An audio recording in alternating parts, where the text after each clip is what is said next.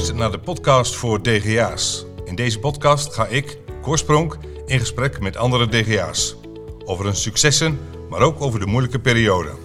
Ga ervoor zitten en laat je inspireren. Vandaag ben ik in gesprek met Wim van Beuzenkom. Ik eh, zag op internet eh, ehm, dat ze je ook wel noemen de Beus. Ja. En dat is jouw, jouw bijnaam. En we kennen elkaar omdat we allebei live partner zijn van een, eh, het For Life netwerk. En afgelopen maandag hebben we pas voor het eerst telefonisch contact gehad. Dus elkaar leren kennen. Dus Ja. dankjewel dat ik hier mag zijn op je bedrijf in Groot Ammers. Hoogwerker, Centrum Nederland. Centrum Nederland. Gaan we straks nog even terugkomen. BV. BV, dit wordt geen, eh, het wordt geen reclame eh, eh, podcast voor jouw bedrijf. We Nee. gaan het hebben over, over jou als DGA. Jij woont in Nieuwpoort. Ja. Daar ben ik doorheen gereden volgens mij. Ehm, eh, heb jij een relatie? Ik heb gezien, je bent ooit getrouwd geweest met... Mirjam. Bijna 30 jaar samen geweest. En eh, ik zeg altijd: eh, Mirjam is een hele mooie vrouw. En zeg daarom maar dat ik een klootzak ben. Dan blijft Mirjam ook een mooie vrouw. Ons leven is door heel veel familieomstandigheden heel moeizaam geweest. Ja, nou, kom misschien eh, nog wel op terug. Ehm, kinderen, ik heb eh, heel veel gelezen over eh, Eva, je dochter, die 12 is geworden en in 2010 is overleden. Ehm, je hebt nog een dochter Amy en een dochter Sven, volgens mij. Een zoon, Sven. Zoon, zoon Sven, inderdaad. Ehm, nou, ik, ik zou, en we hebben gezegd van dat loopt als een rode draad door je leven. Dus, dus eh, we komen daar zeker dan nog in ons gesprek op terug. Hobby's zag ik hardlopen. Ja. Ehm, ik heb altijd geleerd, eh, Wim, hardlopers zijn doodlopers. Maar dat is in dit Nee. geval... eh, Ik denk dat. eh, nou ja, ik heb, ik heb vroeger gevoetbald. Na het voetballen, dan voor mij was sporten. is voor mij een uitlaatklep. Dus even een half, een half uur de polder in. Even, even fysiek bezig zijn. Dus eh, lichamelijke inspanning is geestelijke ontspanning. en jij bent, hoe oud ben je? Ik ben 55. 55. Ik loop nog steeds echt wedstrijden. Marathons gelopen. Van eh, de Jongvrouw, eh, de Jongvrouw op, dus 42 kilometer, de hoogste berg in Zwitserland op. Tot in Afrika met, met De musculaton. de Muscatlon. Daar was ik eh, de Wim Wim in plaats van de Tom Tom van een blinde jongen. Ik heb een blinde jongen daar aan de finish gebracht. Al pratend terwijl we ook nog aan het rennen waren. En eh in 4,5 uur tijd. En lopen, lopen is, is letterlijk wat ik zei, eh, ontspannen. Even gedachten op nul. Je kan tegen jezelf praten, je kan eh, rennend bidden, geloof het of niet. Je, kan er, je kan er eigenlijk je, je rust in vinden die je in je dagelijkse leven vaak niet vindt. Terwijl je toch bijzonder energiek bezig bent. Ja, nou mooi. Heb je een eh, favoriete voetbalclub?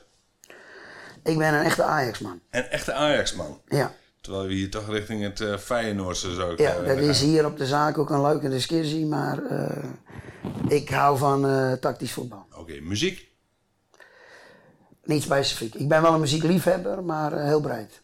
Auto. Ik was gek op auto's. Ik heb geleerd dat ze voor mij geen waarde meer hebben. Dus ik rij een hele mooie auto. Sterker nog, ik heb er wel drie.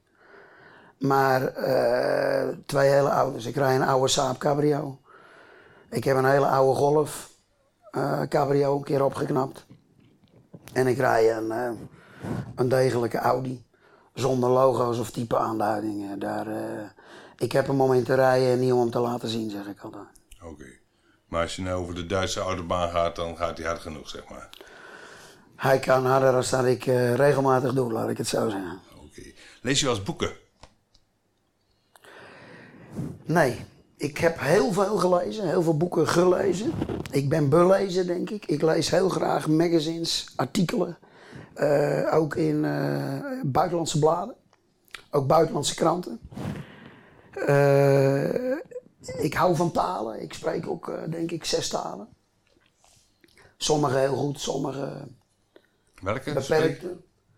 ja, Nederlands, Duits, Engels, Frans op een redelijke manier, Pools en eh, Zweeds. Oké. Ja. Maar allemaal geleerd vanuit de praktische kant van mijn leven, zeg maar. En die heb je allemaal eh, voor je werk, voor je huidige werk ook. Ja, nou ja sommige waar ik, en dat gaat niet over trots zijn, maar wat ik mooi vind, de interactie met de mens. Als je ze even in hun taal kan aanspreken. Dus ik kan wel in 15 talen allerlei termen, uitspraken en eh, van goedemorgen tot zaken, dat laat ik me ook toelichten. En dat vind ik plezierig. En daar ervaar ik ook altijd mee dat mensen dan eh, ineens hun deur van een kier eh, wat breder openzetten. De Ja. deur van hun leven. En dat is toch vaak het begin waarmee je met mensen in contact bent. Ja. Ik vergat Italiaans nog. eh. Italiaans. Even terug naar boeken. Ehm waren, het dan, ze waren het dan vaak gewoon eh, boeken om, eh, voor, voor zakelijk of waren het boeken voor privé? Zijn, Ja, ik, heb, ik heb vroeger in mijn jonge jaren boeken verslonden. Ik ben een, een, een, een oorlogsverhalenliefhebber. De mentaliteit daarachter, die, die vind ik bijzonder. Ja? En daarnaast, ja, dat, het, het echte lezen, daar vind ik niet altijd de rust van. Dus ik lees wel boeken die ik links en rechts eens krijg. Ik kreeg er recentelijk nog, i- nog een van iemand waar ik een gesprek mee had. En, en ja, die breedte en de tijd van lezen, die, die, die is voor mij toch meer... eh, ik lees graag artikelen. Ik lees bijvoorbeeld eh, het Financieel Dagblad. Een klant vertelde mij ooit, hij zegt Wim, als jij de wereld wil begrijpen, dan moet je het Financieel Dagblad lezen. En ik denk, ja kerel, wat moet ik met een Financieel Dagblad? Eh, ik ben geen bankier en eh, ik sta rood op mijn bankrekening. eh, destijds zeker. Nu niet meer, maar dat is een ander hoofdstuk. En dat betekent ook dat... maar je leert daar inderdaad de begrippen, de termen, de bandbreedte van de economie te begrijpen. De terminologie. En ja, die lees ik graag. Die pluis ik uit. Soms vier kranten op, eh, op, een zaterdag, eh, op een zaterdagmorgen, bij wijze van spreken. Ja. Nou, mooi. Ehm, tegen wie kijk je op? Hij een idool? Of iemand waarvan je zegt, "Joh, daar heb ik nou heel veel van geleerd? Ja, ik, ik, heb, ik heb zeker van mensen geleerd. Ik had vroeger eh ene Dick de Geus. Dat was mijn leermeester. Die was zo bijzonder pragmatisch en simpel. Dat vond ik fantastisch. En er is ook een Italiaans woord dat zegt simplificare. En dat betekent gewoon eenvoud, eenvoudig. En mensen die dat zijn, in hun zaken doen, dus die gewoon heel direct zijn, die eh, vormgeven aan, eh, aan, eh, aan het moment, zoals het ook op dat moment is. Daar niet omheen draaien. En daar ken ik meerdere mensen in die, die zo acteren. Nuchtere boeren-Hollandsheid. Zeg maar. Ik kom hier uit een polder. Mijn grapje is wel eens, ik kom uit een polder met meer koeien dan mensen. En eh, ja, alle moeizame praat wordt hier niet begrepen. Dus als je direct bent, duidelijk bent en eh, ook durft te zeggen waar het om gaat, die mensen die respecteer ik. Ja.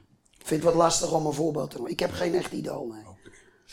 Ehm, je zegt polder. Ja, ik kom uit de Flevopolder. Dus wij denken natuurlijk dat dat de enige polder is, maar dit noem je hier dan ook polder, hè, Groot Ammers. Eh uit wat voor nest kom je? Ik zag dat je vader en je moeder nog leven. nee, nee, nee. Mijn vader is recentelijk overleden. Die is recentelijk over. Dus die is in februari overleden. Die is 84 mogen worden. Ik kom uit een, eh, een echt werkzaam gezin. Mijn vader die was eh, vertegenwoordiger, bezorger van eh, zoetwaren. Later bij een kaashandel, waar hij zich specialiseerde. Eh, loyaal aan zijn gezin en eh, hardwerkend, altijd zorgend. Mijn moeder had, zoals ze dat wel eens zeggen, de broek aan. Die regelde thuis hoe het werkte. Daar kregen we ook een pak slaag van. Nooit van mijn vader. Mijn vader deed zijn hand wel omhoog, maar ik heb nooit een tik van hem gehad. Mijn moeder die gaf ons zelfs wel eens met het klerenhoutje op ons kont. Daar zou nu de jeugdlijn voor gebeld worden. Maar eh, dat was duidelijk. Nee was nee. En Ja. dat is nog steeds zo. Ja, je moeder heeft volgens mij zelfs een Facebook-account, of niet? Ja. Ja, mijn moeder die eh, is van deze wereld. En eh, die heeft recentelijk nog de heup gebroken. En dat was verbrijzeld en ze had al twee kunstheupen. En ja, ze is weer opgestaan en ze loopt weer in haar eigen appartement over deze wereldbol. En eh, kent ons, kent er kleinkinderen. eh, geniet van, eh, van de breedte die, die er aangeboden wordt. Dat is bijzonder. En je hebt een broer en een zus, of broertje en zusje. Hoe is die verhouding? Ik heb een zus van twee jaar ouder en ik heb een broer van bijna twee jaar jonger. Oké, dus je bent de middelste van drie. Ja, Wat was je voor kind? Ja ik denk eh, onbevangen, avonturier. Eh avonturieren is natuurlijk in die tijd anders dan nu. Dus eh, wij gingen vroeger slootjes springen in de polder. En dan was mijn karakter wel, we gaan net zo lang totdat we allemaal nat zijn. En dan zeiden mijn vrienden al, over deze kan je echt niet meer.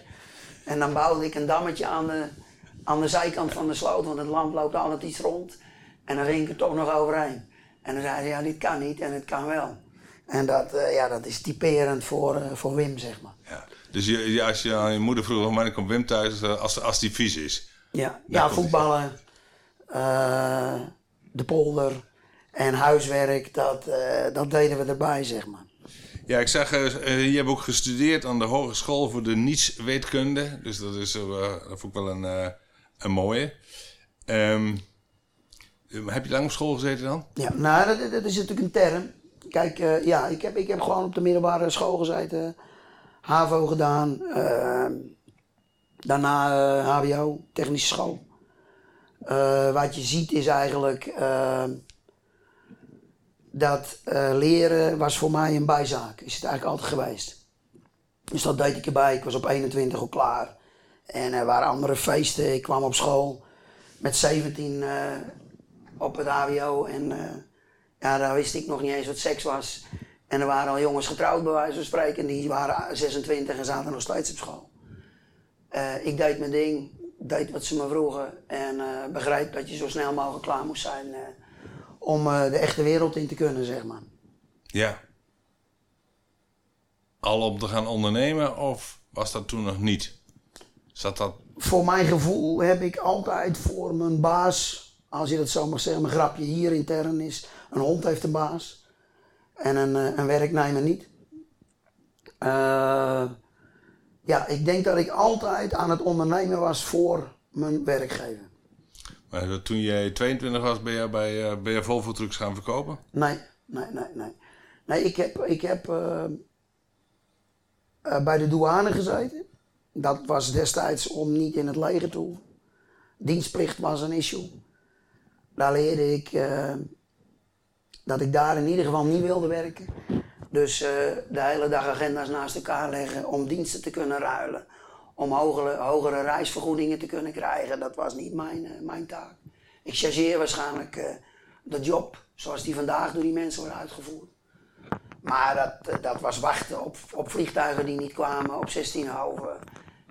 voorvallen die, ja, die mij duidelijk maakten dat dat niet mijn eh, target was. En toen ben ik bij eh, Groeneveld Transport Efficiency begonnen als junior, commerciële man. Dingen technisch in kaart brengen en eh, de grote wijde wereld in, zeg maar. Daar leerde ik reizen, daar leerde ik zelfstandig zijn. Daar leerde je, we hadden een probleem in Oostenrijk. En ik belde naar de zaak na twee dagen en dan vroeg je aan je klant, mag ik even bellen? En dan kreeg ik de planner aan de lijn, Peter heette die. En ineens greep de baas, en die heette Aart Groeneveld destijds. Die greep de telefoon en die zei, Wim met ome Aart. Je kan het niet bedenken dat je toen je baas ome Aart noemde. En eh, ja, die greep de telefoon en die zei, Wim met, met ome Aart, wat denk je nu?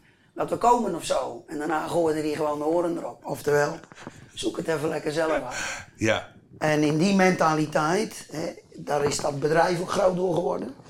En dat ging in, eh, in 2,5 jaar tijd van 30 mensen naar 130 mensen. Ja, in die mentaliteit ben ik, eh, ben ik eh, mijn business begonnen.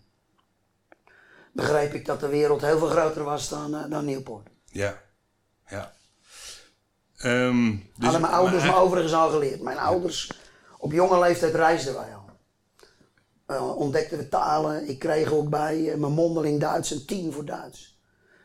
En die mevrouw zei mij wel dat er van mij nooit iets terecht ging komen. Het zou mooi zijn als ik er ooit nog eens kon laten zien hoe vloeiend ik nu Duits spreek. Omdat Duitsers vaak denken dat ik uit Noord-Duitsland kom. Als ik in in het midden van Duitsland rondzweef. Kijk, ja. Ja, grappig. Ja, mooi. Maar eigenlijk dan je, je loondienstfuncties heeft eigenlijk al, heeft altijd eigenlijk met het, de snijvlak, techniek en sales geweest, zeg maar. Veelal commercieel toch wel, maar wel met, met een, een technisch product. Uh, ja, techniek vind ik iets uh, indoctrinerends. Hè. Dat, is, dat heeft iets. Uh, de, de, de, de, de stappen die dat vooruit maakt. En de techniek, als je, daar, als je daar in 30 jaar naar kijkt, dat is gigantisch geweest dat daarin veranderd is, maar ook nog gaat veranderen. En daar zitten altijd uitdagingen in. En juist de toepassingen simpel houden en, en ook praktisch toepassen. Ja, dat mis je bij veel bedrijven, dat mis je in veel technologie. Dus veel engineers zitten achter een computerscherm, ontwikkelen iets, maar hebben nooit over maintenance, over service nagedacht. Of de, serve, de, de haalbaarheid van service, de eenvoud van service. Of uh, het product aan zich, hoe, hoe gebruiksvriendelijk is dat nou eigenlijk? En stappen ze tegenwoordig in een nieuwe auto. Je hebt er bijna een dag voor nodig om hem te begrijpen. Ja. Behalve als je hetzelfde merk weer koopt, dan zitten daar heel wat herkenbare zaken in. Maar het, het laat je eigenlijk zien dat je bijna zelf niks meer kan. En dat is ontstaan doordat mensen die het maken het zelf niet gebruiken. En ik denk dat juist daar de kansen liggen voor mensen die ontwikkelen. Zorg dat je schoonmoeder ermee om kan gaan, dan, uh, dan kan de rest van de wereld dat uh, gemiddeld ook. En zoals ik eerder zei, uh, mooi Italiaans woord is inderdaad simplificare. Hou het simpel. En dan zijn heel veel techniekproducten al, al, al heel complex. Ja. En ik zag even een paar dingen op je LinkedIn-profiel. In 1998 heb je een uh, stap genomen in Powerlift in Duitsland. En in 1999 is Van Beuzenkom International en Hoogwerker Centrum Nederland opgestart. Klopt dat? Ja, het is een iets andere volgorde. Hoe ging dat? Uh, ik, ik, ik werkte bij Volvo Trucks. Een dealerbedrijf, een dealergroep. Een van de mooiste tijden uit mijn leven, de Van Dijk Groep. Daar kwamen wat opvolgingsdilemma's. Uh, een koers waar ik me niet in kon vinden. Ik heb eigenlijk altijd voor een werkgever gewerkt waar ik mee in botsing was. Er kon meer, ik wilde meer. Er was meer, maar die ruimte die bleek er niet te zijn. Dat werden discussies. En dan, uh, ja, dan nam ik de eer aan mezelf en dan ging ik voor de boodschap waar ik wel voor stond. En zonder die mensen tekort te doen, want ze hebben nog steeds mooie bedrijven. Uh, een koers waar, ja, waar mijn karakter dan toch niet genoeg in paste. Wat uiteindelijk uh, mij bij een ondernemer bracht, een Jan van Mever. Binnen de Van Mever groep, dat was destijds een, een heel klein handelskantoor, nu een grote staalhandelaar in Nederland. En, en ver daarbuiten met branches in Australië, Amerika, noem maar op. Ik heb dat voor hem een, een buizenbedrijf in opgericht. Die importeerde stalen buizen, maar dat was allemaal niet goed geregeld. En die buizen-BV, ja, die groeide dusdanig hard in vijf jaar tijd dat, uh, ja, dat, dat, dat hij dat uh, persoonlijk niet bij kon benen. Ook financieel de gelden. Hè. Dus ineens gingen we van, van 1, 2, 3 miljoen naar 20, 30 miljoen omzet in guldens. En dat moest gecoördineerd, dat moest gefinancierd. Er kwamen vragen van bankiers. Hij, hij wist heel goed wat geld verdienen was. Maar hij had nooit vragen hoeven beantwoorden aan bankiers als het weer eens om een miljoentje of een letter of credit extra ging. En uh, ja, die disciplines moesten er wel zijn. We gaven inhoud aan zijn bedrijf, we gingen automatiseren. Ik herinner me nog dat, we, dat ik een computer kocht. Hij zegt waarom? Er staat er toch één bij Esther op het bureau. Waarom moet jij ook een computer op je bureau? Ik uh, deed in 1996 een eigen domeinnaam. Ik heet Van Beuzenkom en ik deed de vanbeuzen.com. En uh, ja, in die, in die routing na vijf jaar met Jan ook een hele mooie tijd. Veel geleerd, veel gereisd. Uh, in Oost-Europa waar uh, ja, grenzen en barrières nog heel anders waren dan nu. in Oost-Duitsland in de cel gezeten. Omdat je op een dag pas over de Berlijnse muur was geklommen, zal ik maar zeggen. En een week weg was, weg gebleven. ja, en uiteindelijk in 1999 zijn Jan en ik gebotst. We zouden uit elkaar gaan uh, op een keer op goede manieren. Dat is niet gelukt. En laten we maar zeggen dat ik zo eigenwijs was om weg te gaan. En ben ik voor mezelf begonnen. En wat was dan bijvoorbeeld, wat was dan dat de botsing bracht? Waar botst het dan vooral op? Wil jij nou ja, de, meer een, een, van de essentiële dingen was... Uh, Jan kon niet delen.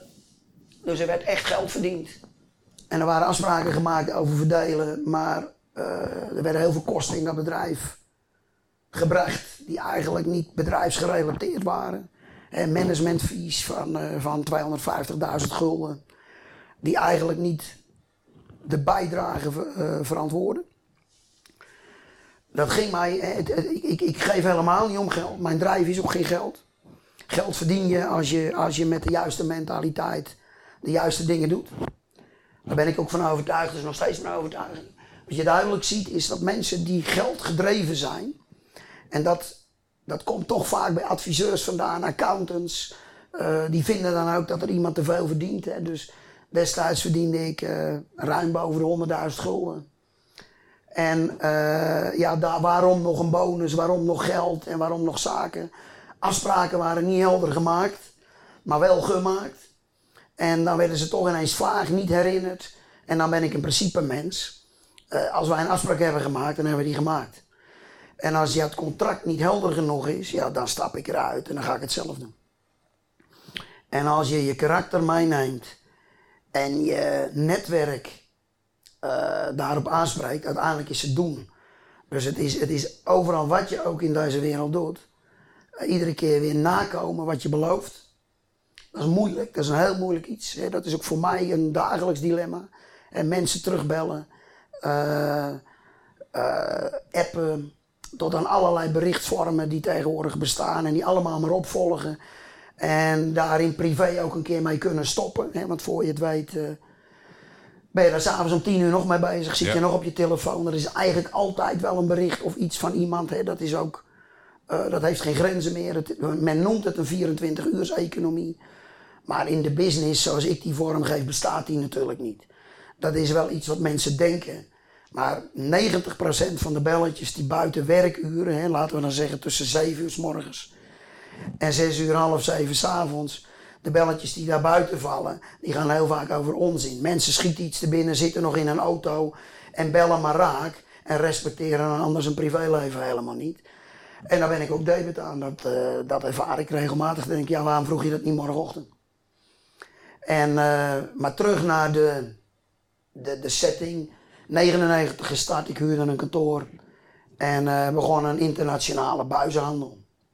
In stalen, gecertificeerde stalen buizen. En ik zei tegen iedere klant, blijf bij Jan. Blijf bij de Vermeven groep. Maar mocht Jan het niet invullen, lukt dat niet. Gaat dat niet, bel me dan eens op. En er waren buizen waar wij die voor gebruikt? Gas en water. Gas en water. En constructie, dus fundatie. En dat deed ik van Spanje tot Noorwegen, bij wijze van spreken. Oké. En weer anders dan anderen. Grote Duitse concurrenten die het over uh, een miljard omzet hadden. En uh, ik deed uh, 5 miljoen in guldens. bankkredieten, ik had niet meer geld. Ik kon ook niet ruimer. Dus ik, ik zei altijd tegen de bankier: als je me geld leent, besef dat ik er de komende 20 jaar om ga vragen. Want een groeiend bedrijf heeft altijd kapitaal nodig. een bottleneck voor heel veel ondernemers. Uh, met ambitie die uh, de bandbreedte niet verstrekt krijgen of niet verstrekt kunnen vinden. Dus, uh, Hoe krijg jij het voor elkaar om dan wel geld te krijgen? Kun je het goed op papier onderbouwen of vertrouwen ze jou als ondernemer? Dat was, eerder was dat natuurlijk nog veel meer. Hè? Als ze in je blauwe ogen keken en dachten, ik geloof ja. het wel, dan kreeg je het. Ja, ik leende, vroeger had je een, een lokale bank hier, de Rabobank. Daar zat een directeur, meneer Kompier. Die kon je vader, die wist waar je vandaan kwam. En uh, we hadden een, uh, een management bij Outdoor gesproken. Daar moest ook 800.000 gulden voor geleend worden. En uh, ja, die management bij Out ging niet door. Maar die 8 ton leende die me wel. En ja, dat had deels te maken met dat ik het privé voor elkaar had. Dus een huis gekocht, risico's genomen, nog eens een huis gekocht. al een gezond stuk eigen vermogen bezat. En, en altijd had afgelost. Iets wat ik mensen nog steeds adviseer. Blijf niet op de pof leven, maar zorg dat je schulden minder worden. Baas in eigen huis kan worden. Waardoor je de bank naar huis kan sturen op het moment dat het jou niet meer past. Dat heb ik jaren niet kunnen doen. En dat waren de meest moeizame jaren van mijn leven. Gesprekken met mensen die mijn business niet begrepen. En die spelregels hanteerden die ze zelf gedicteerd kregen. En je eigenlijk openlijk vertelde in je kantoor dat ze het er niet mee eens waren maar dat ze het moesten doorvoeren. Dus ook altijd excuses bij een ander zochten om, om, om, om jouw nee te moeten zeggen. En op het moment dat je zelfstandiger wordt, dus over een betere liquiditeitspositie verzit, ja, dan komen mensen vragen aan je of je nog geld wil gebruiken. Nou, dat klinkt arrogant, dus zo simpel is dat nog steeds niet. Maar daarnaast ook gewoon risico's nemen. Ik noem het geen speculeren, maar daar, ik heb nog altijd ervaren dat ik het bijzonder gaaf vind dat mensen dingen risico's noemden, waar ik een heldere kijk en toekomst bij zag. En dus ook deed. En mensen zeiden risico, risico, risico. Ik dacht, ach, een machine is een machine. Hè? Dus ik ben even als zijsprong uh, in aanraking gekomen met, uh, met machines. Ontwikkelde een machine. Daar keken we eens naar, daar zochten we fabrikant bij, daar zochten we fabrikanten bij. We lieten naar eigen idee dingen maken. Ik denk, moet naar Duitsland, daar maken ze de beste machines. Maar die Duitsers zeiden, daar is geen vraag naar. Ik zei, dat klopt, want het bestaat nog niet. Maar ze wilden ze niet maken, maar ik ontmoette Italianen die dat wel wilden. En er zijn uh, tot aan vandaag nog steeds mensen die loyaal uh, samenwerken met, uh, met de Van Beuzenkom groep, zeg maar. Ja. Maar is dat, zou ik maar zeggen, naast dat je nu gewoon op je eigen manier wil doen, is dat het, het creëren, het bedenken van de machine, is dat iets wat jouw passie is? Nou, ik, ik, ik ben natuurlijk geen uitvinder. Ik ben geen uitvinder. Dat zou te stoer zijn. Ik heb dingen uitgevonden, dat durf ik wel te stellen. Maar die kwamen vanuit de praktijk. De klant heeft problemen. Dus je, een probleem is pas een probleem als je het niet oplost. Dat is in service net zo. Als klant belt op, ik heb een groot probleem. Mooi, wat is het? Ja, mijn machine start niet. Als ik dus zorg dat die machine weer start, wie dat dan ook doet in onze organisatie, heeft die man geen probleem meer met mij. Dus je moet problemen heel snel aanpakken, heel snel oplossen, niet laten liggen. Dat is een heel moeizame target, maar daarnaast ervaar je dus dat mensen die komen met vraagstukken rondom machines. Het is net als een auto. Als je op vakantie wil met je caravan, dan moet er een trekhaak achter. Dus als je een auto-oogwerker bouwt, die worden door gewichtsproblematieken niet met trekhaken uitgerust. Nou, wij, wij ontwikkelden daar een trekhaak achter. Waardoor mensen dus niet met een servicebus met materialen erachteraan hoefden te rijden, maar hun aanhangertje meenamen auto's uitspaarden en allerlei andere zaken. Heel simpel voorbeeld van technologieën de toepassing verbreden. Waardoor het product wel duurder werd, maar in verhouding heel weinig minder duurder werd. En waardoor dus mensen een totaal concept en oplossing hadden, waardoor ze eigenlijk met iets meer kosten heel veel meer rendement uit hun eigen bedrijfsvoering konden halen. De toepassing begrijpen en die efficiënter aan de klant uh, meegeven als bruikbaar product. En heel, hè, dus in buizen, vroeger deed ik dat al. De klant in Spanje die kon goedkoper kopen in Duitsland, maar dan moest hij zelf transport regelen. Wij leverden de buizen, ook al waren het er tien, dan gingen er maar negen op een vrachtwagen. Binnen tien dagen Franco in Spanje. Hoe? Was mijn target, mijn probleem. En die man zei, dan heb ik ze nodig, dan werden ze geleverd. En dat is heel veel werk, dat was heel veel moeizamer als je 10, 20 vrachtwagens per dag onderweg hebt zitten met grenzen en documenten en papieren. Hè. Mensen zijn het vergeten, maar de EU die bestaat nog helemaal niet zo lang.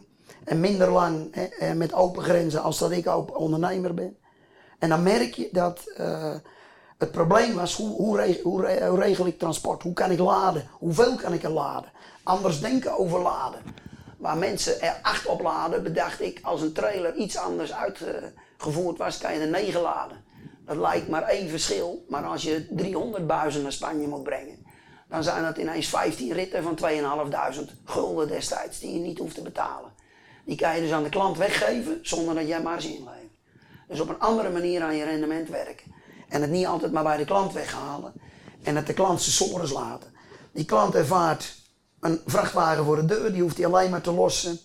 En die, uh, die denkt, hey, het is iets duurder, maar alles geregeld en ik kan met mijn business verder. En daar geloof ik ook heilig in. Ik ben ook van mening dat we in de toekomst steeds meer ontzorgd willen worden. En daar één bedrag voor willen betalen. dat, of dat nou een, een, een leaseauto is of een leasemachine. Wat is leasing? Mensen hebben er heel vaak uh, in bepaalde regio's nog een verkeerde gedachte bij. Maar leasen is niet anders als uh, volledig ontzorgd met een product onderweg kunnen zijn. Zodat jij jouw ding kan doen waar jij goed in bent. En uh, ja, dat, dat, is, dat is de toekomst. Wim, um, we liepen net, ik ben hier bij jou aan de zaak in Groot Ammers. Kun je, je mag even iets reclame maken. Kun je iets meer vertellen over wat je huidige bedrijf wat, die, wat, wat vooral de core business is? Ja, dus, dus van stalen buizen uh, is natuurlijk heel veel veranderd door internet. Er zijn nog ondernemers die steeds klagen, internet verandert veel. Dat betekende dat grenzen bestonden niet meer. Ineens kon Jan, Piet, Kees en Klaas ook buizen bestellen in Turkije, in Polen. En daar schakelden veel fabrikanten ook direct op over. Maar business, vandaag aan de dag, zoals wij dat doen, we zijn een hoogwerkenbedrijf. Wij leveren machines en we zijn een full service uh, solution provider. Wat betekent dat wij bouwen machines.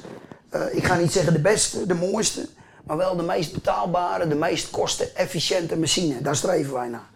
Wij zijn niet de beste, maar wij proberen voor de klant iedere dag de beste te zijn.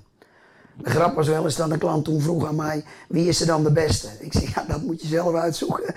Maar heel veel mensen krijgen awards dat ze de beste zijn, trofees, verhalen. Mensen worden daardoor lui. Mensen vinden zich ook de beste, worden daardoor arrogant. Ik denk dat je iedere dag die nederigheid moet hebben, dat je voor de klant gedienstig moet zijn. Dat je naar hem moet luisteren of hij nou uh, een ding van een euro bij jou komt halen of een ding van 150.000 euro binnen die bandbreedte opereren wij. Uh, of die hem nou huurt voor een dag of voor uh, vijf jaar. Het gaat om de oplossing. En ja, veilig werken op hoogte zonder ladder of stijgers. En wij noemen onszelf een specialist in compacte hoogwerkers. Dus dat kunnen autohoogwerkers, spin-rups hoogwerkers zijn. En in principe kan alles, als het om een spin-rups hoogwerker gaat, door een deur. En dan toch nog tot werkhoogtes van 52 meter. In tuinen, achterpaden. Uh, heel veel plekken zijn zeker door de huidige architectuur en door de, uh, door de, de groei van bebouwing steeds minder bereikbaar. Verbouwingen, andere zaken. En wij, uh, wij, wij leveren oplossingen aan mensen die schoonmaken, mensen die technisch installeren, mensen die bomen snoeien, mensen die ja, eigenlijk in iedere bandbreedte kan je, vind je ons eigenlijk wel terug. Dus wij zijn eigenlijk totaal niet brandsgebonden. Dus waar eerder uh, veel ladders nodig waren en dat soort uh, dingen, liften, daar, is nu, uh, daar staat nou een hoofdwerker van jou. Nou ja, er, er, zijn spelregels rondom het gebruik van ladders. het is efficiënt, de machine wordt niet ziek. Je gaat op zijn hoogste keer kapot, dan heb ik nog een andere voor je. Binnen twee uur. desnoods maak ik hem heel snel. kunnen wij alles? Nee, maar dat betekent wel dat een machine is, uh, net als de automatisering, een onmisbaar begrip voor de professional in zijn eigen branche. Ben je een schoonmaker, een glazenwasser, noem ik één voorbeeld. Dan komt hier een glazenwasser aan de zaak die zegt tot op de eerste etage mag ik gewoon op een ladder werken. Is een fijn kerel, maar niet in mijn bedrijf. Want ik ben een hoogwerkenbedrijf en ik wil niet dat er in de klant staat. Hoog, of uh, glazenwasser valt van ladder bij hoogwerkerscentrum. en, en dat is eigenlijk de hele boodschap waar het om gaat. De ondernemer, de mensen die dingen uitbesteden, die nemen een verantwoordelijkheid over. Je bent mede verantwoordelijk als opdrachtgever voor veilig werken. En het is niet duurder. Het is op een andere manier werken. Dus mensen zien alleen een rekening van een machine en denken dus dat het hun meer kost. Maar het is efficiënter, het is één man alleen binnen 10 minuten op hoogte aan het werk. Dat zijn zaken die eigenlijk steeds meer van toepassing zijn. Mensen ook als er nu tijdelijk meer werkeloosheid gaat ontstaan, mensen zijn het meest moeizaam verkrijgbaar. En machines doen het altijd. Bij ons op zondag niet. En niet alleen uit principe, maar mijn boodschap is al jaren of je nu in God gelooft of niet. Eén ding heeft hij voor jou en mij goed geregeld. Dat is een dag vrij en die heb je gewoon nodig. Dus die zeven dagen economie en altijd maar werken, dat is bullshit. Dat lukt op lange termijn helemaal niemand rust en tijd voor iets anders als uh, de business is heel belangrijk. Ja. Kom zo nog even terug met die. Uh, ondanks dat heb je toch 20 personeelsleden. Ja. Hè, om... Met ons Duitse vestigingetje erbij. Ja. Um, wat voor baas ben je? Lastig. Lastig tot heel erg lastig. Want het is nooit goed genoeg. En dat is niet omdat ik dat vind, maar dat is omdat mijn klanten nog altijd iets te klagen hebben. Dus het gaat in business om de punt en de komma in een brief. En dat is in onze business niet anders. Details bepalen de ontevredenheid. Dat is een kwartier te laat. Dat is, uh, dat is net niet in orde. Bijna goed is niet goed. Maar hoeveel producten krijg je tegenwoordig niet bijna goed? Ze ja, maar u wou het snel. Ja, ik wil het wel snel, maar ik wil het wel goed. Ik heb er toch niet bij gezegd, doe maar snel, maar dan maar een beetje goed. Dus wat je ziet is die mentaliteit bijbrengen aan mensen, zeker aan jonge mensen. Het gemak van deze wereld, van het zal wel, het gaat wel. Als je naar het Verre Oosten kijkt, waar mensen totaal anders gedreven zijn, hè, dan wil ik niet alleen China noemen, maar zeker ook uh, landen als Zuid-Korea, landen als Taiwan, uh, Singapore. Daar is een andere mentaliteit. Ga hier eens naar een restaurant. Hoeveel mensen zijn nog oprecht geïnteresseerd in jou als klant? En als je die mentaliteit loslaat, en die probeer ik dus altijd, de spullen opruimen, regelen, je servicewagens in orde, auto's gewassen, uh, je kop onder de kraan morgens. Het klinkt allemaal heel simpel en heel erg polders. Misschien is het ook een poldermodel, maar dat maakt het verschil. Dat is de, de, blik van de klant. Is de tuin op orde bij de zaak? Bij hoeveel bedrijven kom je niet aanrijden? Dat ik denk, joh, moet ik hier gaan investeren? Moet ik hier 50.000 euro gaan uitgeven? Het gemak waarmee verkopers op een stoel blijven zitten. Uh, niet achter de klant aanrennen. Uh, eigenlijk dingen niet laten zien. Dus wat voor baas. Hè? Dus nogmaals, een hond heeft een baas. Ik ben een werkgever. Ik ben kritisch. En daarmee creëren we dus een drive en een mentaliteit dat we er altijd voor de klant willen zijn, mits die op tijd betaalt. Daar zijn we heel duidelijk in. Dus als je niet op tijd betaalt, dan, uh, dan zijn we heel vervelend. Je wil wel dat wij direct komen, maar dan vinden we dat je ook direct moet betalen. En uh, mensen, hè, zeker de grote bedrijven, bepalen hun eigen structuren. Dus daar nemen wij regelmatig afscheid van. En dat betekent wel richting werknemers dat ik uh, kritisch ben. Of het nou om een koffiekopje opruimen gaat, of over gereedschap op orde, of uh, bedrijfskleding, schone jas, schone broek. Dat betekent gewoon altijd iets te zeuren. Maar dat doe ik niet omdat ik zo'n vervelende vent ben, maar dat is omdat we werken aan de toekomst.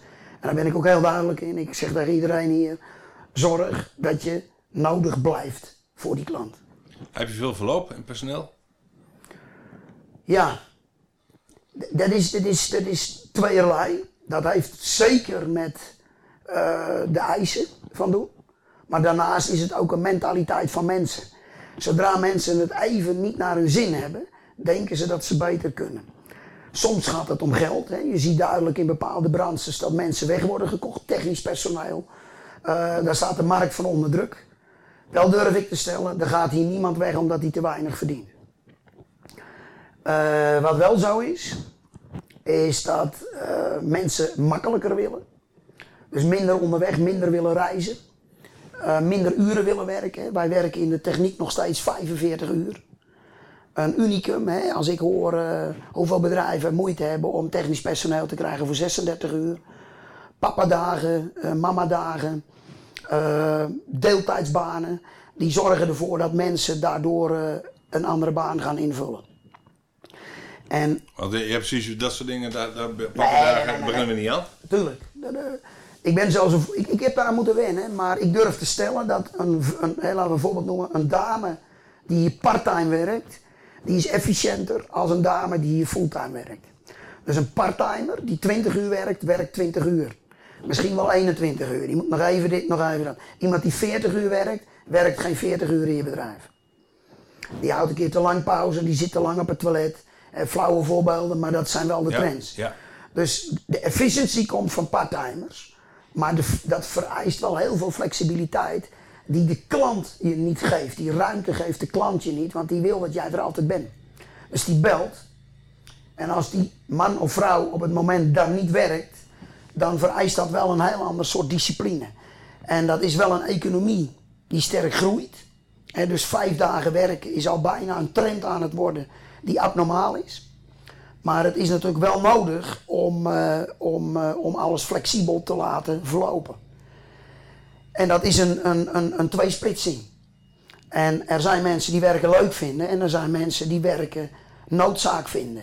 En mensen die werken een noodzaak vinden, die werken hier niet lang.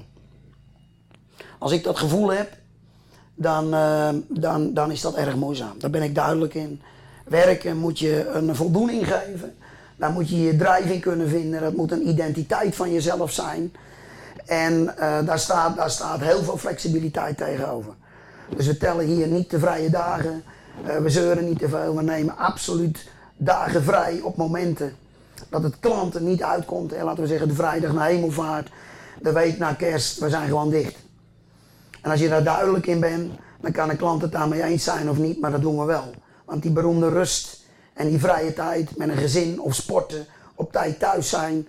Dus als we overwerken, doen we dat s morgens vroeg en niet s'avonds laat. Je moet op tijd thuis zijn, een keer kunnen sporten, met kinderen ergens naartoe kunnen. En uh, ja, je echte leven, hè, want nogmaals, werken is natuurlijk niet je leven. Je echte leven, daar moet wel tijd voor zijn. Ja.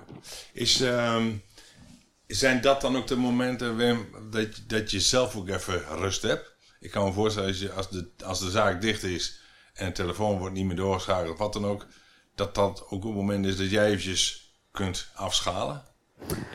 Nou ja, ik, ik, ik ken de jaren dat mijn telefoon natuurlijk altijd aanstond op het moment. Hè, die werd doorgeschakeld. We hebben geen telefoondienst of dat soort zaken. Op mij. Die tijden zijn voorbij. Dat is een luxe. Dat ervaar ik als een luxe. Uh, dat ik mensen in mijn organisatie heb kunnen vinden die bereid zijn om dat ook te doen. Uh, bel ons natuurlijk niet voor bullshit. S'avonds om 9 uur vragen wat voor weer het morgenochtend wordt. Dat kan je op internet ook terugvinden. Maar uh, ja, uh, we leven wel in, uh, in een 24-uurs-economie. Er wordt s'nachts gewerkt, langs wegen, gebouwenreinigingen, noem al dat soort zaken maar op. Betekent wel dat ook dan machines kapot gaan, hè, want techniek gaat kapot. Dat is ook de enigste echte garantie die wij kunnen geven, dat techniek kapot gaat. Met daarbij de boodschap dat we dan beschikbaar zijn om hem, om hem te repareren of voor vervanging te zorgen. Maar dat betekent ook dat daar druk uit ontstaat, want de man die drie keer s'nachts uit zijn bed gebeld wordt. Dus het vereist discipline. Wanneer mag en kan een klant bellen? Wat accepteer je van een klant en wat niet? Wat mogen en wat moeten je mensen accepteren van klanten? En moeten is al een lelijk woord in mijn beleving, want moeten is voor mij jarenlang iets geweest dat je alleen op het toilet deed. Het eh, betekent wel dat nu de rust en het uitschakelen, echt rust heb ik nooit, maar dat komt omdat ik een onrustig persoon ben. Je hebt veel interesses, zou je kunnen zeggen. Ja, ik ben nieuwsgierig. Ik, ik, ik ben altijd aan het combineren, technieken aan het bekijken, totaal andere technieken dan anderen. Ik kijk niet in onze branche, ik ga graag naar een beurs die totaal niet branchegerelateerd is om te kijken hoe mensen zich ontwikkelen, toepassen. Ik probeer uh, breed in te lezen en uit te zoeken wat, wat, wat anderen ontwikkelen. En uh, voor mij is wel nog steeds leidend de transportbranche. Die is dusdanig uh, flexibel. Die is dusdanig aan het automatiseren. Die is dusdanig aan het internationaliseren. Uh, daar waar je vroeger een vrachtwagen kocht, koop je nu kilometers. En onze brand staat wat dat betreft gewoon nog in de kinderschoenen. Mensen zeggen ik heb hem altijd gekocht en ik zie wel hoe lang ik hem ga gebruiken. Mensen kennen de kostprijs niet, berekenen misschien wel veel te veel. En hadden dus waarschijnlijk tot nu toe de luxe dat ze marge genoeg maakten om, om het door te kunnen berekenen. Uh, ik denk dat we naar een tijd toe gaan waar dingen steeds transparanter worden. Waardoor je gewoon uh, nog duidelijker moet zijn in je kostprijs en steeds meer partnership moet betekenen voor de klant die jouw product gebruikt. dat betekent ook dat de klant, uh, net als dat wij als leverancier steeds meer duidelijker moeten worden in de spelregels die we met elkaar afspreken. En uiteindelijk is het net als voetbal. Over de lijn is uit. In het net is een doelpunt. En af en toe fluit er iemand en die zegt, wacht even, dit doen we hier niet met elkaar. Dus ik ben ook, ik ben meer scheidsrechter geworden. Uh, uiteindelijk bepaal ik wat er gebeurt. Maar dat doe ik niet alleen, daar overleggen we in. Maar uh, uh, daarnaast wel zo dat ja, wij zeker niet alles van een klant accepteren. Even terug naar het rustmoment, want daar, daar gaan we ja. heel snel weer vanaf. Wat doe jij nu om, om rustig te worden? Om wel eventjes... Ik heb een heerlijk huis. Ik heb, een, ik heb een heerlijke tuin. Het voordeel van die tuin is dat je daar moet werken. Maar dat zie ik niet als werk. Uh, daarnaast uh, loop ik graag hard. Ik sport. Ik, ik ben ook lid van een atletiekclub. Trainer zelfs, zag ik. Ja, ik, ik ben trainer van een, een G-groep. Niet te verwisselen met een G-groep. Uh, overigens heb ik daar niks op tegen, maar het is een G-groep. Dat is een mens, een groep van 19 mensen met een geestelijke beperking. Daar konden ze geen trainer voor vinden. Uh, ik dacht, ach, ik ben toch regelmatig op die club en dat doe ik op maandagavond. Een uur in de week. En er is geen dankbaarder werk dan met deze mooie groep mensen mogen werken. Er zijn weinig mensen die zoveel van mij houden als die groep. Ja. En die konden wel wat energie gebruiken. Ja. Ja, daar zei ooit een vader, we doen nu in een avond meer als vroeger in een maand aan sport. en er werd door heel veel ouders gezegd, mijn zoon kan niet hardlopen. Mijn zoon die kan geen kogel stoten, die kan niet hoog springen.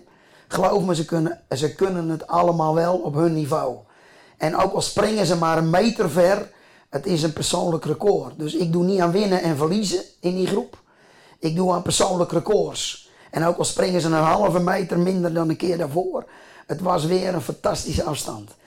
Ik geef ze eigen waarde. En ik kan er zelf ja, mijn volledige ei in kwijt. Dat is zo prachtig. Ik wist niet dat het uh, zo mooi was. Het maakt me zelfs weer een beetje kind. Ja. Ja. Omdat ja. velen van hun op kinderlijk niveau leven.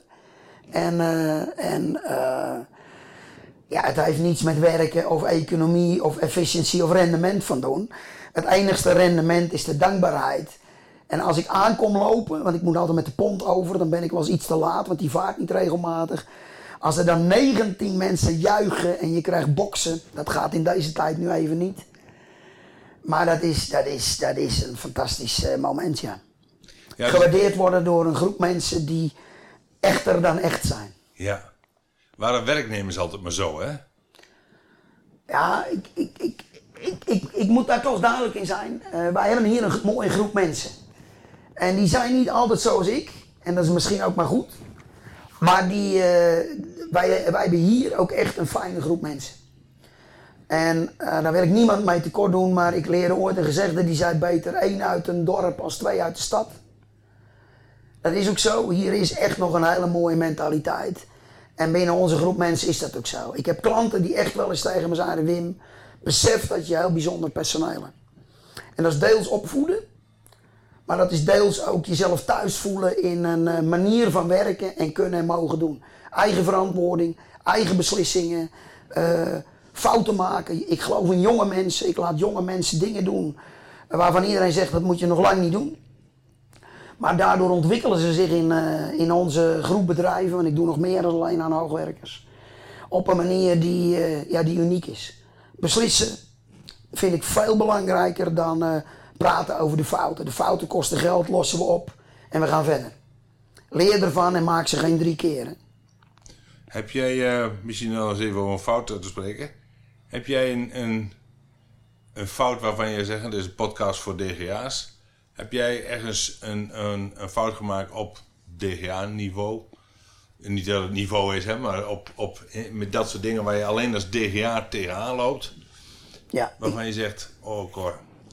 Ik denk dat, uh, dat ik zeker in de beginjaren uh, geen kennis genoeg had van uh, de financiële kant van mijn bedrijf. Vond ik ook allemaal best. Geld heeft me nooit zo geïnteresseerd. Het was er, ik kon ermee werken. En als je dan tegen limieten aanloopt, dan wordt het eng. Dan krijg je, uh, zeker in de jaren dat het moeizaam ging, 2008, 2019. Mijn dochter werd ernstig ziek. Ik heb ervoor gekozen om uh, alles los te laten. En iedere tweede nacht in het ziekenhuis te slapen. Waarbij je dan niet sliep. dan was het heel erg moeizaam om, om de boel draaiende te houden. Want ik moest ook nog voor een gezin zorgen thuis als mijn vrouw in het ziekenhuis sliep. We zagen elkaar amper. En dan zie je dat je eigenlijk niet aan uh, stabiliteit genoeg had gewerkt. En financiën waren daarbij een heel moeizaam breekpunt. En als je wakker ligt van financiële zorgen, dan lig je echt wakker. En dat heeft mij destijds ook doen besluiten dat ik nog veel simpeler gefinancierd wilde zijn. En dan maar minder groot, dan maar minder duur. En uh, aflossen, aflossen, waardoor je baas in eigen tent wordt, zeg maar. En heel veel mensen zijn geen baas in hun eigen winkel, zijn wel DGA, maar hebben niet genoeg zeggenschap om de bankier naar huis te kunnen sturen. En de fouten die er waren, ik maakte regelmatig ruzie met mensen die ik beter had kunnen paaien. Maar dat is Wim. Dat maakte mij Wim en dat liet me Wim blijven. En dat uh, was misschien niet de slimste techniek, maar het voelde voor mij wel als. Uh, als eigenwaarde. En die heb ik hoog staan, maar dat is een fout als het gaat om uh, werken met mensen. Dus nu, weer 10, 15 jaar ouder, Ben je milder geworden? Denk je iets langer over dingen na? Stuur die boze e-mail even wat later weg? En eh, ja, heb je duidelijkere afspraken waar je vroeger een woord een woord liet zijn? Bleek toch dat afspraken eh, ernstig eenzijdig werden geïnterpreteerd. Dus een merk zoals wij leveren, Oil Steel. Uh, ooit bedacht, ik deed in staal. Er kwam olie bij. Olie en staal maakten we oil en steel van. Ik deponeerde het merk niet goed. Anderen gingen ermee werken. En uiteindelijk lieten ze mij tekenen dat ik dat merk en logo alleen maar exclusief mocht gebruiken zolang hun ze voor mij mochten maken. Ach, dan kan je weer juridisch vechten. Ik ben van mening dat uh, hun mij nodig hebben, ik hun niet. Ik bedenk dingen, ik pas ze in de praktijk toe. En iedereen die van alles maakt, die kent de toepassing niet en die kan de service niet verlenen die wij wel kunnen. En een auto zonder service, die koop je na vijf jaar niet nog een keer. Meestal op zeggen, die fout is het dan. Ik, ik heb het gevoel, ja, en, en, ik denk dat het voor veel DGA's geldt, een, een, een, grote mate van rechtvaardigheidsgevoel hebt. Maar dat is natuurlijk ook jouw rechtvaardigheid die dan geweld aangedaan wordt dan mag de hele wereld omvallen, maar dan, dan, ga, je, dan ga je gelijk halen. Gelijk halen, gelijk krijgen is natuurlijk. Nou, je, je, je, maakt zeker wel eens gevechten tot uiterste. Dat is misschien fout. Soms zou je daarin uh, eerder een mediator of iemand daaromheen uh, moeten of kunnen inschakelen. Uh, ik, ik besteed ook dingen uit die ik vroeger emotioneel zelf oploste. He, dus zeker arbo-zaken, uh, en dat soort dingen die heel persoonlijk worden. Waar ook heel vaak persoonlijke verwijten op tafel komen. los van het feit of ze terecht of onterecht zijn, ze worden je wel verteld. En als je daar persoonlijk op reageert, dan escaleert dat vaak. Dus doe dat niet. dat doe ik niet meer. dat besteed ik uit. Mensen zijn daar professional in. Doen het niet altijd zoals ik wil. Maar vinden wel oplossingen. Waardoor we met z'n allen verder kunnen. ik denk dat dat een hele belangrijke leerschool is. Maar daarnaast, dus, dus, dus wat je net noemde, uh, ik denk dat het belangrijker is, het gaat niet om rechtvaardigheid, het gaat om waar sta je voor. Dus ik ken heel veel mensen die rood mooi vinden, omdat hun klant vindt dat rood mooi is. Ik vind rood op zich een gezonde kleur, zeker als je hem op je wangen hebt, maar ik vind het geen mooie kleur. Dus ik ga tegen de klant niet vertellen dat rood een mooie kleur is. Dat ga ik niet aan hem bevestigen. Dat is natuurlijk een flauw voorbeeld. Ik ben een, eh, een blauwman. Ooit vertelde een Chinees dat blauw de kleur van de kracht was. En dat ervaar ik, dat voel ik ook zo. Dat zie je in onze bedrijfsvoering ook terug. Wij zijn blauw. En ik respecteer iedereen zijn kleurkeuze.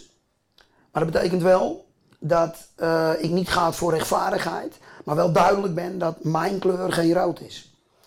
En hè, daar kan je natuurlijk ook weer als voorbeeld heel lang over verder discussiëren. Die rechtvaardigheid uiteindelijk heeft ieder mens die in zich. Hè? De een uit hem, de ander niet. Ik ben redelijk duidelijk als dingen me niet bevallen. En dan wil ik er ook niet mee verder. Dan tel ik ook desnoods mijn verlies op en dan ga ik weg. dus er zijn grenzen aan zaken en dingen die ik, uh, die ik nou gewoon menselijke wijze ook wil accepteren. Maar dat geldt ook voor mijn mensen, die bescherm ik daar ook voor. dus uitgescholden worden voor geld, of een grote bek verwachten of andere zaken. We doen het allemaal zelf ook eens een keer. Ik ben er ook debet aan dat je wel eens uitvalt over iets wat misschien niet had uh, moeten gebeuren. Ben ik ook, ook open in, dat fout. Maar dat heb je moeten leren. En ik ben iemand die heel moeilijk sorry zegt. En dat, dat kan je als goede of slechte eigenschap zien, maar dat is voor mensen soms onverteerbaar. Ik kan boos zijn over iets, ik heb het verteld, ik draai me om en ik ben het vergeten. Maar er zijn mensen die er dan nog een half jaar mee rondlopen. Die je niet meer aan durven kijken. En dat moet je leren. Dus de menselijkheid, die heb ik moeten aanleren. De menselijke kant van ondernemen. Maar dat betekent ook dat een aantal mensen je nog niet menselijk genoeg vinden. Maar die beseffen niet altijd dat uiteindelijk de tent runnen en zorgen dat het financieel klopt. Dat er iedere, iedere maand uh, tienduizenden euro salaris beschikbaar zijn. En dat, uh, dat er geen financiële sores bestaat dat is een, eh, dat is een, eh, dat is een target. Dat is een moeizaam iets. Mag ik je een, eh, een hele persoonlijke vraag stellen, Wim? Um, Tuurlijk. Want je komt op mij niet echt over als niet menselijk, maar wat heeft uh, het overlijden van je dochter voor jou als, als, als zakenman, als, als, als DGA? Wat heeft dat voor invloed gehad? Nou ja, Eva was 12 jaar en uiteindelijk helemaal verkankerd. Is ze overleden. Ik zeg het zo grof omdat het ook zo was. Totaal, totaal onmogelijk om verder te leven. Je eigen dochter aan moeten kijken en er moeten vertellen met al haar verstand en de volwassenheid die ze in dat jaar van ziek zijn had gekregen. Er aankijken en er dan zeggen dat ze gaat sterven. Terwijl je dat een kwartier eerder van een arts hebt meegekregen. Dus je eigen dochter aankijken samen met je vrouw. En er dan vertellen dat ze niet blijft leven, maar dat ze gaat sterven. En als ze je dan vraagt, met tranen in de ogen, dit jaar nog pap. En we hadden net gehoord nog enkele dagen. Ja, wat heeft dan nog waarde?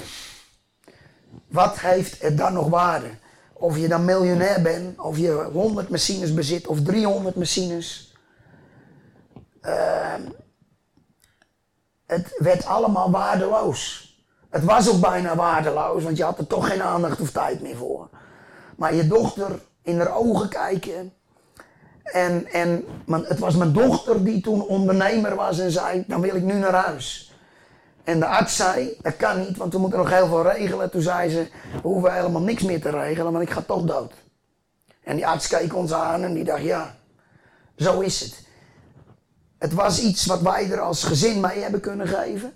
Maar als DGA, als bedrijf, leert het je dat eigenlijk helemaal niets iets waard is. Dus een auto, iedere keer weer duurder. je laat je toch verleiden door weer een grotere en een duurdere te kopen. Ik ben ook rigoureus een auto gaan kopen die ergens in een showroom stond.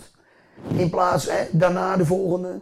Uh, ik heb gezien dat sterven, of je nou 12 bent of 82, dat is iets wat ons allemaal een keer staat te gebeuren. Maar waar heel veel mensen en zeker ondernemers niet genoeg bij stilstaan. En als bedrijf denk ik dat ik nonchalanter ben geworden. Ik vertrouw op mijn toekomst. En ik werk aan mijn toekomst als ondernemer. Maar ik werk uiteindelijk aan de toekomst. dus ik zei nooit meer zal ik mijn dochter zien. Nooit meer kan ik met haar knuffelen. Maar ik werk aan ooit weer, omdat ik daarin geloof. Ik geloof dat er een toekomst is na dit werkbare menselijke leven. En uh, het leerde mij dat als klanten me bedreigden, want zo voelde ik dat heel vaak. Uh, dat ze wegliepen, dat ze naar een andere gingen. Dat ik dacht, ach, er is voor mij een plek. Ik sta met een boodschap in deze wereld. Wij doen de dingen die we hebben afgesproken. Ik ben er ook van overtuigd dat we zeker wel eens iets beloofd hebben wat we niet hebben na kunnen komen. Dus probeer dat te voorkomen. Zeg daar ook een keer tegen een klant eerlijk, dat je iets beloofd hebt wat niet kon. Of uh, waarvan je dacht, hè, in de enthousiasme van verkoop. Maar als DGA, als mens, heb ik wel geleerd dat meer geld of meer rendement of altijd maar meer, hoeveel procent meer, hoe vaak spraken bankiers eraan. Ik ben nog meer op mijn moraal en op mijn mentaliteit gaan werken. Dus ik had hier een bankier, toen die terugkwam, mijn dochter was overleden. En ik had mijn halfjaarcijfers niet ingeleverd. En deze bankier die zei tegen mij, ik zei ja, je weet toch wat er gebeurd is, het was juli. En ik had Eva in april begraven. En toen vroeg hij om de halfjaarcijfers en die had ik niet. Daar hadden we niet eens over nagedacht. En dan bleek later ook nog iemand van bijzonder beheer bij te zitten. En toen zei ik, joh, maar je weet toch wat er gebeurd is. En toen zei deze bankier tegen mij, laten we het even zakelijk houden. En ik kreeg kippenvel op mijn rug van zo'n man. Oh. En toen zei ik, uh, ook nog tegen hem. Ik had 17 jaar altijd alles ingevuld. Banktechnisch. Nooit hadden ze me moeten vragen, nooit hebben ze mij moeten manen, nooit hadden ze iets moeten zeggen. Ze hebben het over stroppenpotten en over gelden die ze beschikbaar hadden. Er was niemand bij de bank die durfde te tekenen voor de risico's die wij op dat moment afspiegelden, omdat we eerlijk waren. We lieten zien wie we waren en we duiden er geen cent anders bij of aan. We upgraden de voorraad niet. We vertelden de debiteurenlijst niet op een andere manier. Het klopte wat we lieten zien. En dat vonden ze een risicoprofiel. Toen zei die, ik tegen die bank, maar er is ook nog zoiets als moraal. Ik heb altijd alles ingevuld. En toen zei deze bankier tegen mij: Moraal, moraal moet je vergeten. Dat bestaat niet meer. En toen ben ik ontploft en ik heb hem eruit gedonderd, letterlijk. Hij wilde niet weggaan, hij zei: Ik laat me niet wegsturen. En ik heb destijds gezegd: Eruit, anders duw ik je van de trap. Hij zat in mijn kantoor boven. Iets waar ik nog steeds geen spijt van heb. Het kostte me heel veel energie, ik heb er heel veel zorgen van gehad. En een aantal mensen die ik nog steeds dankbaar ben, hebben mij privé overeind gehouden. Door me gewoon blanco 100, 200.000 euro te lenen. En toen zeiden Wim, komt het goed? Ik zei, komt goed. Het geld zat in machines, het geld zat in, uh, in een business die draaide. Ik heb ze kunnen aflossen. En ik heb er vijf jaar over gedaan om de bank gedag te kunnen zeggen. En ik heb ze toen ook niet uitgescholden bij het gedag zeggen. Maar bedankt voor de bewezen diensten. Maar in alles in mijn lijf was destijds blij dat ik, uh, dat ik niet meer afhankelijk was van een bank. En nu, vandaag aan de dag, hebben wij nog een gezonde schuld op bedrijfspanden. Maar leven wij voor de rest met een uh, positief saldo op een bankrekening en dat is rust. Dat is rust en ruimte. Dat heeft beperkingen, waardoor ik, ik, ik zie veel meer mogelijkheden en potentieel als dat mijn portemonnee groot is. Ik zou dubbel zo groot kunnen zijn als ik kapitaal bezat wat, uh, wat, er, wat, er, uh, wat er voor nodig zou zijn.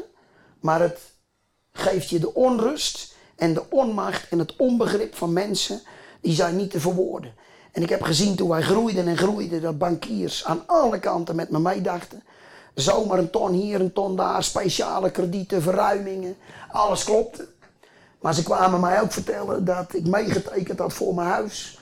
Dat ik meegetekend had voor dit en voor dat. Mijn vrouw werd er s'nachts wakker van. Er waren dreigende woorden. Er werd een interim manager voorgesteld van de bank die maar eens mee moest gaan kijken. Die niet eens wist wat een machine was. Ik ontmoette de vijfde accountmanager in vier jaar tijd. Uh, er was geen loyaliteit, er was alleen maar papierwerk. En wat het mij als DGA leerde, dat als je in nood komt, en dat scenario moet je gewoon als bedrijf klaar hebben liggen, dan moet je gewoon zorgen dat je minder afhankelijk bent van mensen die jou willen dicteren zonder kennis van zaken van je echte business. Andersom, ga voor de spiegel staan en reken voor jezelf eens uit of je inderdaad het geld wel waard bent wat je van anderen gebruikt. En ga er ook zo mee om. Respecteer het ook. En uh, wees daar een betrouwbare partner in. En kan er iets niet, informeer ze vooraf. Wees duidelijk. Ik ben altijd duidelijk geweest. Ik heb mensen moeten bellen dat ik niet kon betalen. En dat zijn mensen die me nu nog steeds heel dankbaar waren. En die zeiden Wim, geen probleem, het stoer dat je belt. En het waren niet eens grote bedragen, 5000, 10.000. Maar ik had veel geld onderweg. Veel ontwikkelingen onderweg. We hebben veel af moeten schrijven. Accountant die ons adviseerde om alle verliezen in één keer te nemen. Zonder ons het besef bij te brengen dat, uh, dat uh, de bank ineens bij mij kwam en zei: Je hebt geen winstwaarschuwing afgegeven. Ik had nog nooit van het woord gehoord op ons niveau.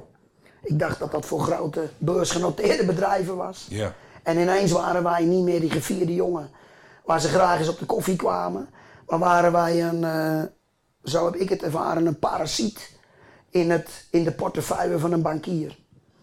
En uh, kunnen werken en kunnen leven zonder bankschulden, dat is een, uh, dat is een luxe en een comfort die ik uh, iedereen toewens. Want dan, dan kan je gaan ondernemen. Dus de beste jaren gaan nog komen, Wim? Menselijkerwijs denk ik ja. Ik heb uh, aangegeven dat ik, ik heb geen rust, want ik wil nog meer. Want ik wil altijd de beste zijn. Ik ontwikkel nog steeds machines. En uh, ja, wij zien, uh, wij zien door service, service mentaliteit. We hebben, ik denk rond de duizend machines in service en onderhoud. Daar zit zoveel potentieel. En de concurrentie kopieert en probeert na te doen. Maar bij heel veel bedrijven ervaar ik niet de echtheid die wij voor de klant willen betekenen. Dat ervaar ik bij fabrikanten. Zodra ik machines bestel, ben ik de king. Gaan ze met me uit eten. Zodra ik drie maanden geen machines bestel, word ik ook niet meer door ze gebeld. Zijn ze even niet beschikbaar, hebben ze op een beurs geen tijd voor me. En zo zie je heel veel zaken. Uh, de komende jaren worden denk ik moeizame jaren. Hè, dus je hebt, eh, maar dat betekent ook heel veel kansen. Dus heel veel mensen praten nu over bedreigingen. Die zien een economie dalen. Maar dat, dat forceert mensen om een, om een koers bij te stellen. En een route te gaan lopen die, eh, die, eh, die veranderingen teweeg brengt. En je verdienmodel altijd overeind houden zoals je dat 20 jaar geleden deed, dat kan sowieso niet. Ik denk dat twee jaar vooruit al heel ver is. Zorg dat je luistert en in de markt bezig bent bij de klant, op internet. Zorg dat je bij bent en dat je, dat je gezien en gehoord wordt. Dat je dus begrepen wordt met je boodschap. En als laatste denk ik over jouw vragen rondom het verlies van mijn dochter. Ehm, dat was niet onze enigste tegenslag. Uh, vijf jaar daarna moest ik horen dat mijn zoon ook kanker had. Twee jaar geleden uh, hoorden wij dat Sven nog zes maanden zou leven. En ook dat hebben we niet geaccepteerd. En zijn we aan de slag gegaan. En zijn we twee jaar verder en leeft hij nog steeds. Uh, immunotherapie. En dat alles naast ondernemen. Een relatie die stuk gelopen is. Waarin ik mezelf heel veel verwijt. Uh, waarin ik ook vergat sorry te zeggen. Er genoeg te zijn. Dingen heb gedaan die ik zeker niet had moeten doen. En uh, ja, als, als, als ondernemer ben je altijd met je bedrijf bezig. En uiteindelijk is een gezin en keuzes uh, niet altijd een keuze. Dus mensen roepen alles is een keuze. Ik ging naar een psychiater die ons begeleidde. Die zag ik eerst eens acht keer op zijn horloge kijken in dat uur dat ik bij hem zat. Dat is al niet hoe ik mijn gesprekken voer. Ik heb tijd voor de mensen waar ik, waar ik tijd aan geef. En die tijd wordt niet bepaald door mijn horloge of mijn agenda. Alhoewel natuurlijk tijd altijd een, uh, een definitie zal blijven. Uh, die mensen die, uh, die werkten toch uurtje, factuurtje. die gaven mij advies. Ik zei, ja, mijn werk is een groot probleem binnen deze situatie. En dan zei ze, ja, dan stop je er toch mee. Dat was een hele goede opmerking. Alleen ze vertelde me niet hoe. Hoe zeg ik tegen 18 gezinnen dat ze geen werk meer hebben? Dat het bedrijf weg moet, of het te verkopen is, of allerlei andere zaken. Mensen hebben heel vaak korte termijn adviezen. En die zijn op zich niet fout, maar de oplossing geven ze er alleen niet bij. En ik heb heel vaak gedacht: oké, waar sta je voor? Wie wil je zijn? Wat kan je zijn? Dus heel veel ballen omhoog houden betekent: hou het simpel. Doe je ding. Uh, neem je rust, neem je tijd. Parkeer zaken. En uh, vertel mensen dat je van ze houdt. En dat doe ik zelfs tegen mijn personeel. Uh, iedere morgen als ik aan de zaak kom, geef ik iedereen een hand. heb ik van een pool geleerd. Nu in de coronatijd is het een box of een elleboog. Uh, heel veel mensen vinden dat raar. Ik ben een handenschudder, dus binnen de coronatijd een erg lastig iets voor mij. Ik ben persoonlijk... Dan kan ik een hand geven, wil ik zeggen, maar dat doen ja. we dan niet. Ik ben persoonlijk tegen iedereen. En degene die dat vervelend vinden, dus de grote stoere inkoper... die met een, uh, met een wensen- en eisenlijstje aan mijn bureau zit... als die geen mens wil zijn of worden in het gesprek wat ik met hem voer... dan zit ik daar niet mee. Maar dan heb ik er ook geen moeite mee als die bij mij geen klant wordt. Want er is speelruimte genoeg in deze markt. Maar voor Wim, mensen die dat wel waarderen. Ik, uh, ik, ik zie natuurlijk, hè, het, is, het is iets voor alle dag. Maar hoe um, jammer is het inderdaad dat degene die thuis misschien wel uh, heel wat vaker service van jou nodig had. Dat dan, hè, dat je voor de hele wereld wel klaar staat. Maar dat misschien, en voor het allerbelangrijkste... Um, ik kan ook daarin kunnen we elkaar de hand geven dat, dat, we, dat, dat je het dan niet ziet. Nou ja, bij mij is het zeker niet alleen service. Ik ben, ook, ik ben wel eens niet eerlijk geweest naar mijn vrouw. En uh, dat is lastig. Als mens lastig. Als uh, ondernemer lastig. Uh, je bent onderweg, je hebt reizen. Je hebt los van, van het gaat niet eens over vreemd gaan of andere verhalen. Maar gewoon geen tijd voor elkaar keuzes maken die niet met je gezin van toepassing zijn. Het is het leven wat het je leert. Maar bij ons, bij ons de, ondenkbare werkelijkheid van nog een keer tegen een kind moeten zeggen dat hij niet blijft leven. Ja, dat betekende dat je, hè, ik heb het wel eens gezegd, kom eens thuis en ga eens met een verdrietige vrouw naar bed. Verdriet wat je niet begrijpt. En dat gaat niet om de seks of om alle andere zaken, maar gewoon niet begrepen worden.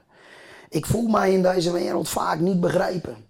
Hè, dus als ik boos ben, als ik emotioneel ben, dan zijn mensen die begrijpen niet wat er in mijn leven allemaal speelt. Maar mensen oordelen wel. Mensen zijn boos als je niet terug hebt gebeld. Mensen weten hoe het werkt. En dan zei een Duitser iets heel moois. Die was zo boos dat hij me niet kon bereiken. En dan ging ik toch een keer eh, langs. En toen ik hem vertelde waarom ik niet bereikbaar was, toen werd hij heel stil. En toen zei hij: Als we ooit op de laatste dag van ons leven iets tegen elkaar konden zeggen. Dan zou er niemand zeggen: Cor, weet je waar ik spijt van heb? Ik heb eigenlijk te weinig gewerkt. Niemand, al ben je nog zo lui geweest, niemand zal zeggen: Ik heb eigenlijk te weinig gewerkt. Ik had meer willen werken. Dus wat betekent het? Dat werken is eigenlijk helemaal niet belangrijk. Maar het moet wel. Het moet wel. Dus het moeten was voor mij ook een handgreep. Een houvast. Een bezigheid. Als ik die niet had gehad, dan weet ik niet, dan had ik. Hè, dus je kent mensen die gaan boomknuffelen. Mensen kennen God niet. Mensen gaan boomknuffelen, gaan met psychiaters praten. En daar is op zich niks verkeerds mee. Maar hoe inhoudelijk of hoe echt zijn die gesprekken? Of zijn het formaliteiten die je invult omdat alle mensen het doen, omdat het iets is geworden wat, wat hoort bij de problematiek van je situatie? Ik denk dat het echt moet zijn. En als je echtheid prijsgeeft, dus als je daar van af gaat wijken, en of dat DGA of werknemer is, maar als je je echtheid loslaat, ja, dan ben je geen mens meer. Ik, uh, ik zie, we zijn al uh, dik over het uur heen. Daar maakt me niks uit. Ik heb nog één of twee vragen die ik echt nog aan je wil stellen, Wim. Um, misschien heel kort. Uh, welke leverancier zou je vandaag een pluim willen geven? Zou je willen noemen, zeg je, dat, dat is een goede leverancier. Daar ben ik blij dat ik daar klant van ben. Ik heb een Italiaanse leverancier, dat is de Imer Groep. Recentelijk toegevoegd aan onze organisatie. Uh, bijzondere mensen. Maar het valt of staat uiteindelijk met de accountmanager. Het is een Pool die met Italianen kan zaken doen. Het is heel knap. Hij woont ook in Polen. Bijzonder mens, volgt zijn dingen op. Uh, persoonlijk. Dus die persoonlijkheid kom ik weer. De menselijkheid achter zo'n man die jou terugbelt. Die durft te zeggen, ik had geen tijd voor je. Dat kan je van zo'n man ook accepteren. Maar die mensen hebben een drijf om het bij jou goed te laten gaan. En een, een, leverancier die dat kan, ja. die heeft toekomst. Mooi. Binnen iedere organisatie. Je, hebt, eh, je, je zegt, je hebt zo'n 30, uh, 30 dingen waar je de service nu voor doet, uh, hoogwerkers. Heb je... 30? Nee, sorry, duizend. Duizend. Duizend. Ja. Um, natuurlijk, alle klanten zijn goed. Maar heb je een klant van de afgelopen half jaar waarvan je zegt, dat vind ik nog wel leuk. Dat, die vind ik wel bijzonder. Dat, die, dat is wel een... Dat vind, dat vind ik nou een, mooie, fijne klant ja, voor mij is de klant, ik, ik, vind het lastig een naam te noemen, ik heb er, ik heb er veel. Tuurlijk, ja. Wat voor mij altijd prachtig is als iemand bij ons een offerte opvraagt, na 10, 15 jaar aan service te hebben genoten en gewoon een nieuwe machine bestelt. En zegt, goh, dat valt me mee. Waar ik bij moet betalen. En de klant, die ook zegt, ik heb het niet aan een ander gevraagd, het is goed zo. De klant die je waardeert. En dat heeft een groot contrast. Er zijn ook mensen die alles op internet afzoeken. Uh, waarbij je de goedkoopste moet zijn. Uh, daar is mijn motto heel simpel. Ik heb er een heel mooi verkoopverhaal bij. Uh, de goedkoopste camping van Frankrijk is niet de beste camping. Daar is geen zwembad of schoon toilet of warme douches. Het goedkoopste hotel in Turkije, even los van corona, dat is niet het hotel aan zee met een goed strand en een shuttlebus die je op het strand brengt. De goedkoopste auto is niet de fijnst reizende auto als je veel onderweg bent. Waarom moet ik dan wel de goedkoopste leverancier voor jou zijn? Het is een trend, zeker bij overheden, bij heel veel mensen. Dus als dat de term moet zijn, dus de klant die mij waardeert en accepteert wat ik daarom kost, dat vind ik een echte klant. En die krijgt liefde terug die ongekend is. Dan de allerlaatste. Um, welke ultieme tip zou je geven aan andere DGA's? Leer luisteren naar andere ondernemers. Uh, maar daarnaast is denk ik, uh, kijk buiten je branche. Kijk en luister buiten je branche naar hoe andere mensen dingen ontwikkelen. Of het nou automatisering is, financieren is, of in technologie zoals in ons bedrijf. Kijk in totaal andere branches. Ga er desnoods stage lopen. Ik zou zo graag een week in het jaar in een ander bedrijf de beste werknemer willen zijn. Omdat je daaruit leert hoe mensen dingen doen waarvan jij nog nooit hebt kunnen bedenken hoe dat zou kunnen werken. Dus kijk naar een ander en vraag een ander over hoe hij dat zou doen zonder dat je uh, daar heel veel tijd aan kwijt bent. Kan je lezen, kan je vinden, kan je op internet vaak iets over teruglezen. Maar belangrijk is ook, uh, wees dan zelf ook zo open en oprecht om anderen ook van die informatie te voorzien als ze er bij jou om vragen. En dan zijn we nu aangekomen aan het einde van deze podcast voor DGA's. Wil je regelmatig geïnspireerd worden door de verhalen van andere DGA's? Abonneer je dan op deze podcast. Ben je DGA en wil je wel eens verder praten over de onderwerpen die je gehoord hebt? Dan maak ik graag een afspraak met je. Je weet mij vast wel te vinden. Voor nu zeg ik, ik wens je nog een fijne dag. Hoi!